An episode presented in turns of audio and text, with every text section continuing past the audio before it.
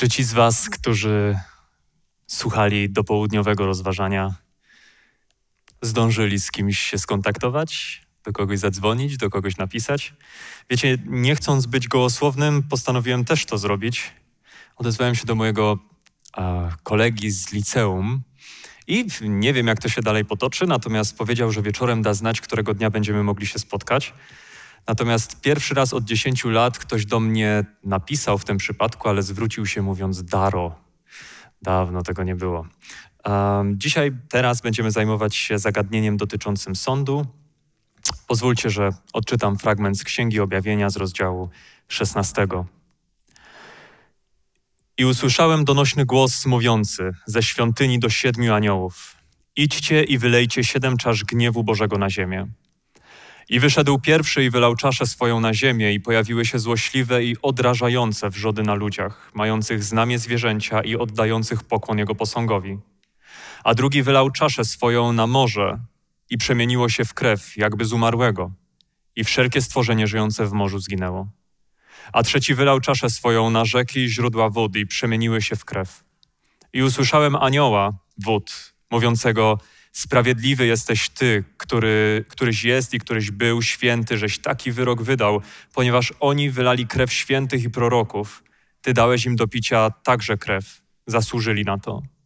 I usłyszałem, jak ołtarz mówił: Tak, Panie Boże Wszechmogący, prawdziwie i prawdziwe i sprawiedliwe są Twoje sądy. A czwarty wylał czaszę swoją na słońce i dana mu została moc palenia ludzi żarem. I byli ludzie popaleni wielkim żarem i bluźnili imieniu Boga, który ma moc nad tymi plagami, a nie upamiętali się, by mu oddać chwałę. A piąty wylał czaszę swoją na tron zwierzęcia. I pogrążyło się królestwo jego w ciemnościach i gryźli ludzie z bólu swoje języki. I bluźnili Bogu niebieskiemu z powodu swoich bólów i z powodu swoich wrzodów i nie upamiętali się w swoich uczynkach. A szósty wylał swoją czaszę na wielką rzekę Eufrat i wyschła jej woda, aby można było przygotować drogę dla królów ze wschodu słońca.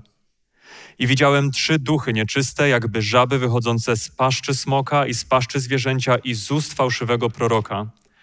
A są to czyniące cuda duchy demonów, które idą do królów całego świata, aby ich zgromadzić na, na wojnę w ów wielki dzień Boga Wszechmogącego.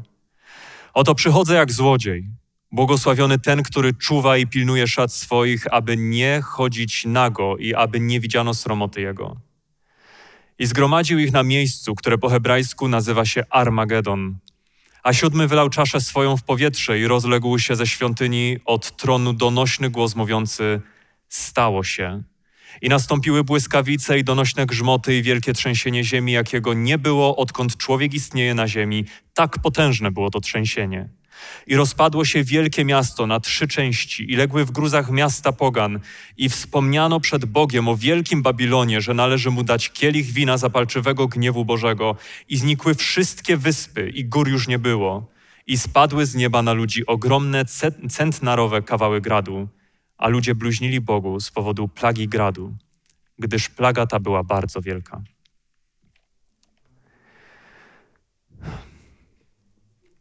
Tak jak w poprzednich naszych częściach rozważania, tak i tym razem, gdy będę używał słowa sąd, nie będę odnosił się do procesu sądzenia, co raczej do samego werdyktu i wyroku, który jest wykonywany.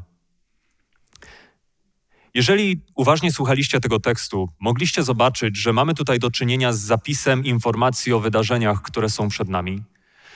Zapisem informacji, które dotkną tych, którzy mają znamie zwierzęcia. Jeśli dobrze pamiętacie, poselstwo trzeciego anioła jest ostrzeżeniem dla tych ludzi, aby nikt czasem nie przyjął tego znamienia zwierzęcia, więc innymi słowy, poselstwo trzeciego anioła jest ostrzeżeniem dla ludzi przed wszystkim tym, co właśnie przeczytaliśmy. Te plagi, te tragedie, te dramaty, o których tutaj czytamy, czytamy jakkolwiek być może mogłyby mieć takie założenie, żeby jeszcze kogoś decyzję zmienić, kogoś nawrócić, kogoś zmotywować, wezwać do zmiany swojego stanowiska, zmiany swoich poglądów, zmiany swoich decyzji, to raz za razem czytaliśmy sprawozdanie, że ludzie ci, pomimo tego, czego doświadczali, nie upamiętali się w czynach swoich. Gdy patrzymy na temat sądu, na zagadnienie sądu, a szczególnie gdy patrzymy w przeszłość, w historie starotestamentowe i widzimy te sprawozdania, kiedy to Bóg mówi do swojego ludu, aby udał się do jakiegoś miasta, podbił to miasto, a potem ostrzem miecza wymordował wszystkich mężczyzn, wszystkie kobiety i wszystkie dzieci, to czytając takie sprawozdania jest nam, jest nam trudno. Mi jest trudno. Bo jakkolwiek poniekąd umiem wytłumaczyć sobie te zjawiska i zobaczyć, że w Starym Testamencie Bóg pokazany jest jako ten, który jednak wykonał wiele pracy dla tych ludzi, jednak starał się wezwać ich do upamiętania, starał się w taki czy inny sposób nakłonić ich, by szli inną drogą, to jednak nawet w tych okolicznościach tak surowe wezwanie, tak surowe polecenie i tak surowy wyrok wydają się być okrutne. Jednocześnie patrząc w przeszłość, na te sądy, mamy taki nie wiem, czy niesmak jest dobrym słowem, ale pozwólcie, że będę go używał. Niesmak, ale z drugiej strony patrzymy w przyszłość i czekamy na ten dzień, kiedy zakończy się ta historia zła. Czekamy na spełnienie się wszystkich tych obietnic, które zostały nam dane, jak to będzie wspaniale żyć w wieczności z tymi wszystkimi, którzy powstaną w dniu zmartwychwstania, jak wspaniale będzie cieszyć się ową wiecznością, rozmawiać z Chrystusem, być z Nim. Tylko drodzy, prawdopodobnie dobrze wiecie, że jeśli kiedykolwiek to ma nastać, to przed tymi wydarzeniami będzie miał miejsce sąd. Będzie miał miejsce sąd, w ramach którego będą ginąć mężczyźni, będą ginąć kobiety, będą ginąć dzieci. Ja powiem Wam, że od jakiegoś czasu nie staram się znaleźć odpowiedzi na wszystkie pytania, bo Bóg jest zbyt wielki, żebym umiał go określić ramami mojego umysłu. Ale plan zbawienia, o którym my mówimy i którym tak bardzo się radujemy, on nie jest taki sielankowy. To nie jest taka dobra informacja, w której zawarte jest na końcu takie przesłanie: wszystko będzie dobrze. Ten zwrot, wszystko będzie dobrze, on skończył się w dniu, w którym Adam i Ewa zdecydowali się na grzech. Nie będzie wszystko dobrze. Ewangelia nie jest historią o tym, że wszystko będzie dobrze. Oczywiście dla niektórych ostatecznie będzie dobrze, ale dla całego świata to przesłanie nie sprowadza się do takich słów. Wręcz odwrotnie, przesłanie, które kierowane jest do świata, sprowadza się do tego, że będzie bardzo źle, nadchodzi sąd i wszyscy, którzy nie znajdą rozwiązania w Chrystusie, oni zginą. Jeżeli myślimy w ogóle o samej Ewangelii, i o tym, że wszystko będzie dobrze, to ostatecznie cena, która była płacona i jest płacona za zbawienie ludzi, pokazuje, że nie, że nie wszystko będzie dobrze. Jezus na zawsze pozostanie w ludzkim ciele, nie wszystko będzie tak, jak było. Miliony ludzi, a może miliardy, poniosą wieczną śmierć. Nie będzie wszystko dobrze. Nie wiem, czy zwróciliście uwagę na to, że w Piśmie Świętym powiedziane jest, że Bóg otrze wszelką ze z naszych oczu, ale uczyni to dopiero po tysiącleciu, po tym okresie, w którym będziemy rozpatrywać wszystkie te sprawy związane z Bożymi sądami względem ludzi, którzy nie znajdą się w królestwie. Nie, nie wszystko będzie takie piękne.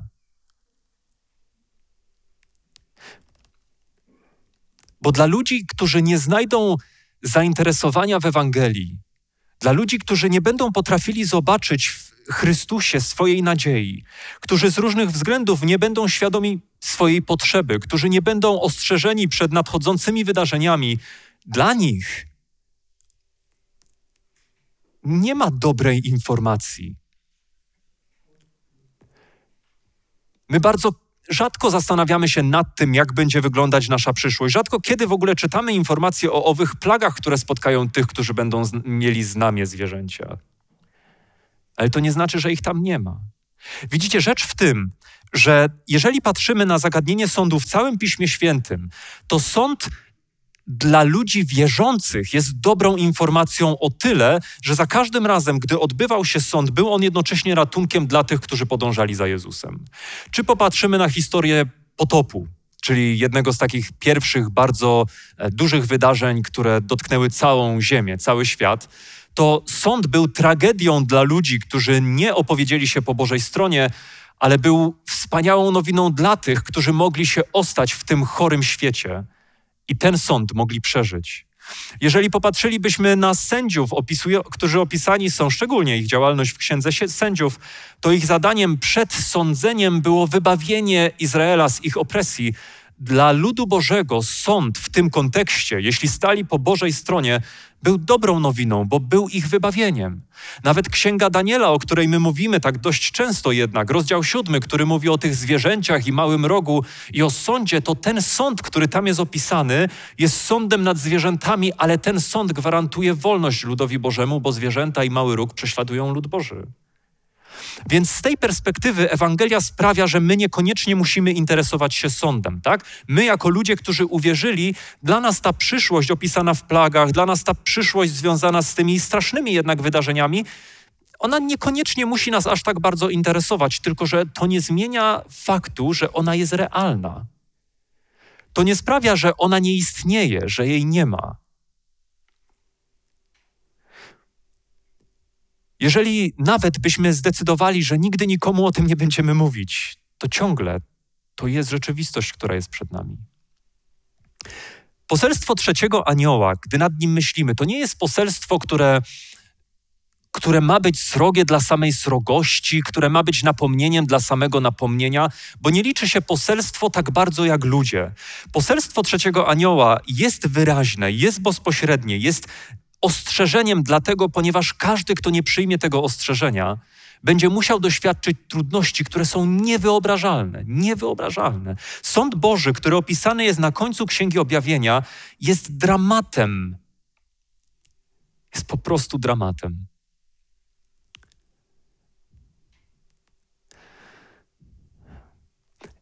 I wtedy, gdy zaczynamy myśleć nad naszym zadaniem, i nad tym, czy w kontekście naszego zwiastowania ta myśl w ogóle jest realna. Czy to w jakikolwiek sposób wpływa na nasze myślenie i na nasze działanie? Bo wiecie, zawsze możemy z tego umknąć, próbując powiedzieć, że te wszystkie opisy są jakieś takie symboliczne, że to do końca nie wiadomo, że może tak naprawdę ci ludzie nie będą cierpieć tak, jak jest tutaj opisane, bo jakby mógł Bóg do tego dopuścić byłaby to odważna interpretacja. Myślę też, że nierozsądna. Czy nasze zaangażowanie w działanie dla ludzi może być podyktowane również tym, że chcielibyśmy im tego oszczędzić? Czy kontynuując rozważanie z przedpołudnia, czy to, że nam zależy na ludziach, czy to, że ich kochamy, może prowadzić nas do tego, że nie tylko będziemy chwalić ich za to, co robią dobrze, ale że będziemy umieli przekazać im słowo, oczywiście w miłości, ale słowo ostrzeżenia przed tym, co będzie strasznym czasem i strasznym doświadczeniem.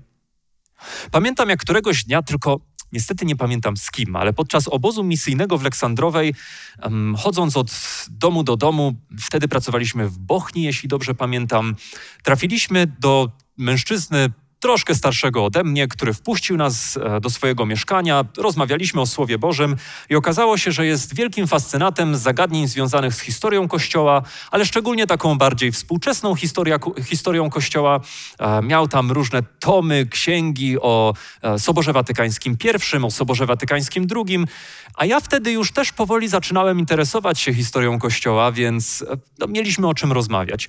I tak jakoś Pan Bóg poprowadził tę rozmowę, że zdecydował się zgodzić na naszą propozycję, żeby spotkać się następnego dnia e, i abyśmy poprowadzili z nim lekcję biblijną. A kontekst był taki, że byłem, nie pamiętam z kim, jeśli ta osoba nas słucha, bardzo przepraszam, z jakąś młodą dziewczyną, która mm, chciałem, żeby ona poprowadziła lekcję biblijną. Więc w czasie tym popołudniowym przygotowaliśmy się z tą dziewczyną do, do owego studium biblijnego. Przyszliśmy na, e, następnego dnia na to spotkanie. Studium zostało przeprowadzone. Jeśli dobrze pamiętam, dotyczyło e, zagadnienia prawa i usprawiedliwienia, ale tutaj mogę się mylić. W każdym razie Mm, na końcu tego spotkania jasnym było, że widzimy się po raz ostatni. On nie chciał czegoś takiego jak jakieś takie regularne studium. Raczej, jeśli dobrze pamiętam, zgodził się na to spotkanie, dlatego że właśnie powiedziałem, że to, są, to jest taka forma jakichś praktyk dla osób młodszych w tym, w naszym, na naszym obozie. Więc na koniec tego naszego całego spotkania poprosiłem go, żeby dał mi jeszcze 5-10 minut, abym mógł mu powiedzieć o tym, jak my jako Kościół postrzegamy wydarzenia czasów końca. I postanowiłem mu opowiedzieć o tym, jak, jak widzę, jaką rolę w kontekście tych wydarzeń przed nami odegra jego Kościół, jaką rolę odegra zagadnienie prawa Bożego, jak my na to patrzymy. Zajęło to, tak jak mówię, no może z 10 minut i zapytałem go na koniec, co on o tym myśli. I on powiedział, no, ciekawa koncepcja. Ciekawa koncepcja, oczywiście zupełnie jej nie przyjmując. I wtedy rozmowę zakończyłem w taki sposób. Mówię, wiesz, Rozumiem, że na ten moment może to nie być dla ciebie istotne, możesz w to nie wierzyć. No każdy z nas wychował się w innym środowisku, inaczej, inaczej postrzega różne zagadnienia, ale chciałbym cię poprosić, i to pamiętam dobrze, mówię, chciałbym cię poprosić, że jeśli dożyjemy tych czasów i ty zobaczysz, że te wydarzenia będą miały miejsce, zaczną się dziać, ja cię proszę, żebyś stanął wtedy po dobrej stronie. I nie zrozumcie mnie źle, ja nie opowiadam wam tej historii po to, żeby e, powiedzieć wam, że tak macie rozmawiać z ludźmi. Ja nie wiem, jak macie rozmawiać z ludźmi, bo każdy człowiek jest inny i wyznaczanie jakichś konkretnych zasad byłoby niewątpliwie niestosowne. Natomiast pamiętam taki cytat, wypowiedź Ellen White z książki Wielki Bój, w którym ona mówi, że to poselstwo, które my zwiastujemy, ono w czasie, kiedy rozpoczną się już te całkowicie końcowe wydarzenia, ono wtedy przypomni się ludziom, którzy wcześniej je usłyszeli. I to poselstwo, które dzisiaj nie przynosi tych owoców w takim stopniu, jakbyśmy chcieli, wtedy wykona szczególną swoją pracę. Ale widzicie, to, co jest myślę, że niezwykle ważne w tym świecie, w którym żyjemy, to to, że nasz świat nie jest nie jest dzisiaj negatywnie nastawiony do idei, które są nawet w oczach wielu ludzi dziwne. Ten świat nie ma problemu z tym, że my się z kimś nie zgadzamy. To nie jest taki czas, w którym my, wyrażając to, że nie wiem, nie zgadzamy się z doktryną jakiegoś kościoła, że to byłoby postrzegane jakoś dziwnie. Dzisiaj wszyscy ludzie się ze sobą nie zgadzają. Dzisiaj wyrażenie informacji o tym, że ja uważam, że ktoś oszukuje innych, też nie jest też nie jest czymś, co będzie postrzegane jakoś bardzo tragicznie. Nie. A jeszcze, jak robię to w odpowiednim nastroju i w odpowiednim duchu, no to wtedy myślę, że tym bardziej my nie mamy się czego bać. Widzicie, biorąc pod uwagę to, jak opisany jest sąd w Księdze Objawienia, ten wyrok, myślę, że patrząc na ludzi, którzy są dookoła nas, powinniśmy powinniśmy, moglibyśmy znaleźć jeszcze dodatkową zachętę, żeby próbować ich ratować. Wiem, że najlepszą opcją byłoby, gdyby nasza motywacja zawsze znajdowała się w Chrystusie. Zawsze znajdowała się w, dokładnie w tej, w tej Jego służbie, w tym Jego działaniu, w tym, jak był aktywny, jak nie spoczywał w tym swoim dziele w czasie, który był mu wyznaczony, ale nawet Jezus zwiastował swoje poselstwo właśnie po to, by uratować ludzi przed tym nadchodzącym sądem.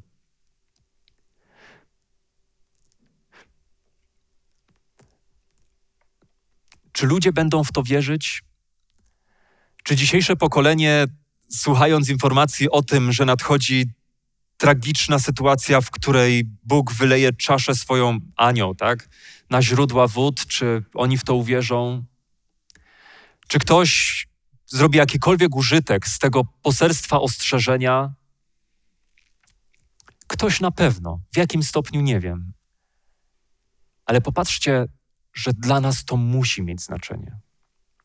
Poselstwo trzeciego anioła, które czytaliśmy już kilkukrotnie, mówi: Jeśli ktoś odda pokłon zwierzęciu i jego posągowi i przyjmie znamię na swoje czoło i na swoją rękę, to i on pić będzie samo czyste wino gniewu Bożego z kielicha jego gniewu i będzie męczony w ogniu i w siarce wobec świętych aniołów i wobec baranka. Zobaczcie, że gdybyśmy spojrzeli na to tak troszeczkę jeszcze z innego kąta, to za, zobaczymy, że to poselstwo ostrzeżenia jest tym takim, nie powiem, że ostatecznym, ale jednym z końcowych aktów wielkiej Bożej łaski, w której on wzywa tych ludzi, którzy wcześniej prawdopodobnie mieli możliwość nieraz opowiedzieć się po jego stronie, aby w tym kluczowym, kulminacyjnym okresie historii całego świata mogli uciec przed sądu i ukryć się w Chrystusie. Czas, który jest nam dany teraz i który szczególnie będzie nam dany w tym czasie, gdy wydarzenia opisane w poselstwie trzeciego anioła będą już się realizowały na oczach ludzi, to jest czas tak kluczowy, dlatego że nawet jeśli ludzie nie będą wierzyć w połowę albo większą część naszego przesłania, ciągle to przesłanie będzie ważne i może posłużyć temu, aby ktoś jeszcze mógł stanąć po tej dobrej stronie. My zwracamy uwagę na poselstwo pierwszego anioła, które mówi: Bójcie się Boga i oddajcie mu chwałę, gdyż nadeszła godzina sądu Jego. I tak duży nacisk często kładziemy na to, żeby pokazać, że ten, to słowo bójcie się nie oznacza strachu, ale oznacza szacunek. I pewnie w większości przypadków mamy rację, ale słuchajcie, ci ludzie, którzy nie przyjmują Jezusa, oni stoją w obliczu wydarzeń, których naprawdę trzeba by się było bać w których naprawdę trzeba by się było bać. I zlekceważenie poselstwa, które mamy przekazać, byłoby już nie powiem nie taktem, ale byłoby kompletnym niezrozumieniem. Kompletnym niezrozumieniem. Jak usprawiedliwić się wtedy, gdy widząc ludzi, na których nam bardziej albo mniej zależy, którzy czekają na sąd, jak usprawiedliwić to, że nie znajdziemy chwili, aby powiedzieć im o Chrystusie, w którym my położyliśmy nadzieję, aby przed tym sądem uciec? Przecież w tym wszystkim, tak jak w jednym z założeń czytałem, chodzi o to, żeby ludzie zwrócili uwagę na Chrystusa. Tak jak prawo, tak jak prawo Boże ma być drogą do Chrystusa. Tak informacja, ostrzeżenie o sądzie ma być drogą wskazującą rozwiązanie w Chrystusie. Tak informacja o plagach jest drogą wskazującą rozwiązanie w Chrystusie. Wszystko ludzi prowadzi do Chrystusa. No nie ma innej drogi, jak już nieraz mówiłem. Poselstwo trzeciego anioła musi być zwiastowane w kontekście tej Ewangelii wiecznej, ale musi być zwiastowane, bo ludzie zginą. Nie ma, naprawdę, jak zacząłem, nie ma sielankowej Ewangelii, która mówi, że wszystko będzie dobrze. Nie będzie nie będzie. I dlatego, widzicie, i dlatego y, trochę tonując ten um, sposób, w jaki wypowiadałem wcześniejsze słowa, dlatego to wezwanie Chrystusa, które raz za raz czytamy nie tylko w księgach proroczych, ale w całym Piśmie Świętym, do tego, żebyśmy nieśli światu Ewangelię, im bliżej końca, tym bardziej jest dramatyczne. I niekoniecznie w kontekście samego, mm, samych słów, co po prostu w kontekście kończącego się czasu. Nie chcę powiedzieć, że ludzie wcześniej mogli pozwolić sobie na lekceważenie tego zadania, ale na pewno ci, którzy żyją w obliczu wydarzeń, które się dzieją lub dziać będą niedługo, nie mogą sobie na to pozwolić.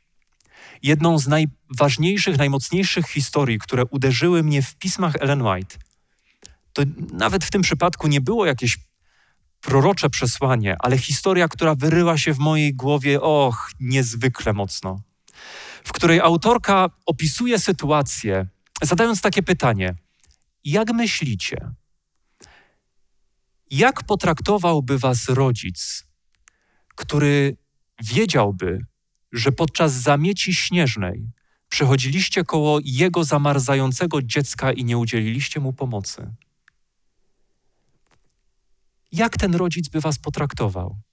Jak ten rodzic by się czuł? I pamiętam, jak czytałem tę historię, tak sobie myślałem, no to musiałby być dramat. To musiałby być dramat. Kto by nie pomógł? Słuchajcie, no kto by nie pomógł? Myślę, że każdy z nas, kto słucha tego przemówienia, gdyby tylko okazało się, że nasz sąsiad, kimkolwiek by nie był, teraz jego życie jest w zagrożeniu, bylibyśmy gotowi rzucić wszystko, zostawić to kazanie, zostawić program, który teraz jest i biec tam, aby mu pomóc, aby ratować jego doczesne życie bo jesteśmy świadomi, że to życie jest realne, jesteśmy świadomi, że to życie jest ważne, jesteśmy świadomi, że Jego życie jest ważne i nawet jeśli mieliśmy jakiekolwiek z Nim nieporozumienia, to one odejdą na bok, dlatego że mamy coś ważnego do zrobienia, możemy uratować Jego życie. Gdybyście usłyszeli, że teraz gdzieś obok jest pożar i ktoś potrzebuje pomocy, gdybyście usłyszeli, że ktoś gdzieś jest i nie wiem, za moment spotka go jakieś nieszczęście, ale możecie mu pomóc, nie zwlekalibyście. Ja bym nie zwlekał. Tak przynajmniej myślę. Ale gdy chodzi o sprawy wieczności, pomimo tego, że ciągle sobie powtarzamy i zrozumcie, ja mówię o sobie tak samo, bo powtarzamy ciągle o tym, jak realny jest wielki bój, jak realna jest ta wielka walka, jak realny jest nadchodzący sąd, jak realne są opisane w Biblii proroctwa, jak realna jest zbawienna łaska, jak realna jest Ewangelia z krzyża Golgoty, jak realne jest królestwo, które nadejdzie. Pomimo ciągłego powtarzania tej perspektywy, ciągle jednak nie żyjemy tak, jakby było to realne. I znów jest to paskudne uogólnienie, które krzywdzi wiele osób, bo myślę, że wiele osób słuchających te, tego przemówienia rzeczywiście stara się i żyje zgodnie ze słowami Ewangelii. Ale myślę, że w wielu przypadkach ta realność jest dla nas zbyt mało, mało wyraźna. Z drugiej strony myślę sobie, że może to trochę dobrze. Bo ja nie wiem, jakbyśmy sobie poradzili z tym, gdybyśmy widzieli ludzi, którzy dookoła nas odrzucają Ewangelię, wiedząc, że, że tracą życie, życie wieczne. Ja, ja nie wiem, jakbyśmy sobie z tym poradzili, ale dlatego, niezależnie od tego, zobaczcie, jak ważne jest to, jak Chrystus do nas podchodzi. Do nas jako do ludzi wierzących, do nas jako do Kościoła. On wszystkimi narzędziami, które ma, nas, jako tych, którzy uwierzyli, zachęca, napomina, wzywa, abyśmy się nie poddawali, abyśmy nie rezygnowali, abyśmy nie robili kroków wstecz, ale abyśmy ciągle parli naprzód, abyśmy ciągle realizowali nasze poselstwo, nasze przesłanie, dlatego że poddać się jest najłatwiej, zrezygnować jest najłatwiej, bo ktoś cię skrytykuje, bo coś nie wychodzi, bo ludzie nie przyjmują słowa tak, jakbyś chciał. Najłatwiej jest się poddać i uwierzcie mi, wiem coś na ten temat, ale ciągle Bóg w swoim słowie zachęca nas, abyśmy się nie poddali, abyśmy jako ci, którzy wierzą, że dla nas sąd nie jest problemem, a raczej wybawieniem, jako ci, którzy wierzą, że nadchodzi Królestwo Boże, w którym będziemy mogli żyć już bez zła i bez grzechu, żebyśmy wzywali tych, którzy są w zupełnie innej i to dramatycznej, w dramatycznym położeniu, żeby mogli znaleźć tę samą nadzieję, którą my znaleźliśmy. Jezus nie ma większej ilości narzędzi, on zrobił już wszystko, żeby nas zachęcić. Czy jego przykład Golgoty i jego służby? Czy właśnie słowa opisane w Księdze Objawienia, które czytamy raz za razem? Czy słowa apostołów, które ciągle przypominały o tym, jakie jest nasze zadanie? Czy historia, którą obserwujemy, która ma nas też do tego zachęcić? Czy świat i jego stan, który też ma nas wzywać do tego, że potrzebuje on pomocy? Czy plagi ostateczne, które mają zachęcić nas do tego, byśmy jednak jeszcze bardziej się do tego przyłożyli? Widzicie, wszystko to to są narzędzia, których używa Chrystus, który kocha tych ludzi, abyśmy dali z siebie jeszcze trochę więcej.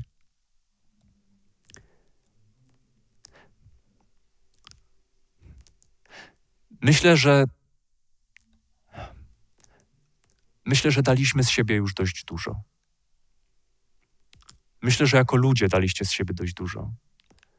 W liście do Hebrajczyków, co prawda w innym kontekście, ale apostoł Paweł mówi do swoich odbiorców, że Bóg nie jest niesprawiedliwy, aby miał zapomnieć o waszym trudzie, którego dokonaliście dla Ewangelii. Bóg nie jest niesprawiedliwy, aby miał zapomnieć o wszystkim tym, co robiliście i co dalej robicie. Bóg pamięta o waszym wyrzeczeniu, Bóg pamięta o waszych środkach, które przekazujecie na dzieło. Bóg pamięta o każdym momencie, w którym zrezygnowaliście ze swojego wolnego czasu, aby z kimś porozmawiać, kto mógł posłuchać o Słowie Bożym. Bóg to wszystko pamięta. I ten sam Bóg, używając wszystkich tych narzędzi, które mamy dostępne, które On ma dostępne, przychodzi do nas i wzywa i prosi, wiedząc ile dałeś, proszę, abyś dał jeszcze trochę, abyś dał z siebie jeszcze więcej, abyś nie czekał na moment, w którym będzie ci łatwiej, abyś nie zwlekał, ale abyś realizował to powołanie. Ja staram się pokazać, że poselstwo trzeciego anioła i jego zwiastowanie, ono nie jest skomplikowane. Komplikując go, sprawiamy, tworzymy dodatkowe bariery, które sprawiają, że nie bardzo wiemy nawet, jak je przedstawiać. Ono jest proste. Tylko czy Jezus będzie znajdował ciągle ludzi, którzy będą angażować się w to zwiastowanie? Ludzi, którzy nie będą szukać wymówek, ale możliwości. Chciałbym się pomodlić. Drogi Zbawicielu, dziękujemy Ci, że Ty jesteś dobry i że Ty nie jesteś Bogiem, który dla swojego ludu zawsze ma poselstwo napomnienia, że nie jesteś Bogiem, który dla swojego ludu zawsze ma tylko słowa wzywające do poprawy, ale że wielokrotnie Ty wyrażałeś swoje, swoją wdzięczność, wyrażałeś pochwałę względem postaw tych, którzy Ciebie naśladowali. Dziękujemy, że były czasy, gdy mówiłeś ludowi, że nie nakładasz na niego większego brzemienia. I w tym czasie, w którym, Panie, my jesteśmy, chcemy Ciebie prosić, abyś dał nam jeszcze większą świadomość tej duchowej walki i rzeczywistości, w której się znajdujemy.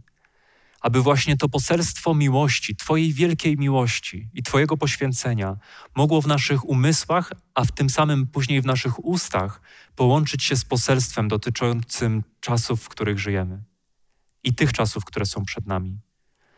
Ojcze, ja sam nie wiem, jakie są wszystkie metody, nie wiem, jak, jak realizować za każdym razem to powołanie, ale wierzę, że Ty możesz nas, Panie, tak poprowadzić, aby te skrajności mogły się połączyć w jedno, abyś mógł błogosławić tej służbie, którą będziemy wykonywać. Ja szczególnie proszę o to, żebyś dodał, Panie, sił tym wszystkim, którzy robią wszystko, co mogą, aby realizować Twoje powołanie, abyś chronił ich od zniechęcenia, abyś nie dał im się poddać abyś Boże zachęcał ich wszystkimi możliwymi sposobami, abyś teraz dał im zachętę, aby oni nie, nie żyli ciągle z obciążeniem, ale właśnie z, tym, z tą nadzieją, że niedługo ta historia, jaką znamy, się zakończy i całe dzieło, które wykonywali, będzie mogło być uwieńczone tymi osobami, które ostatecznie przez Ciebie będą zbawieni.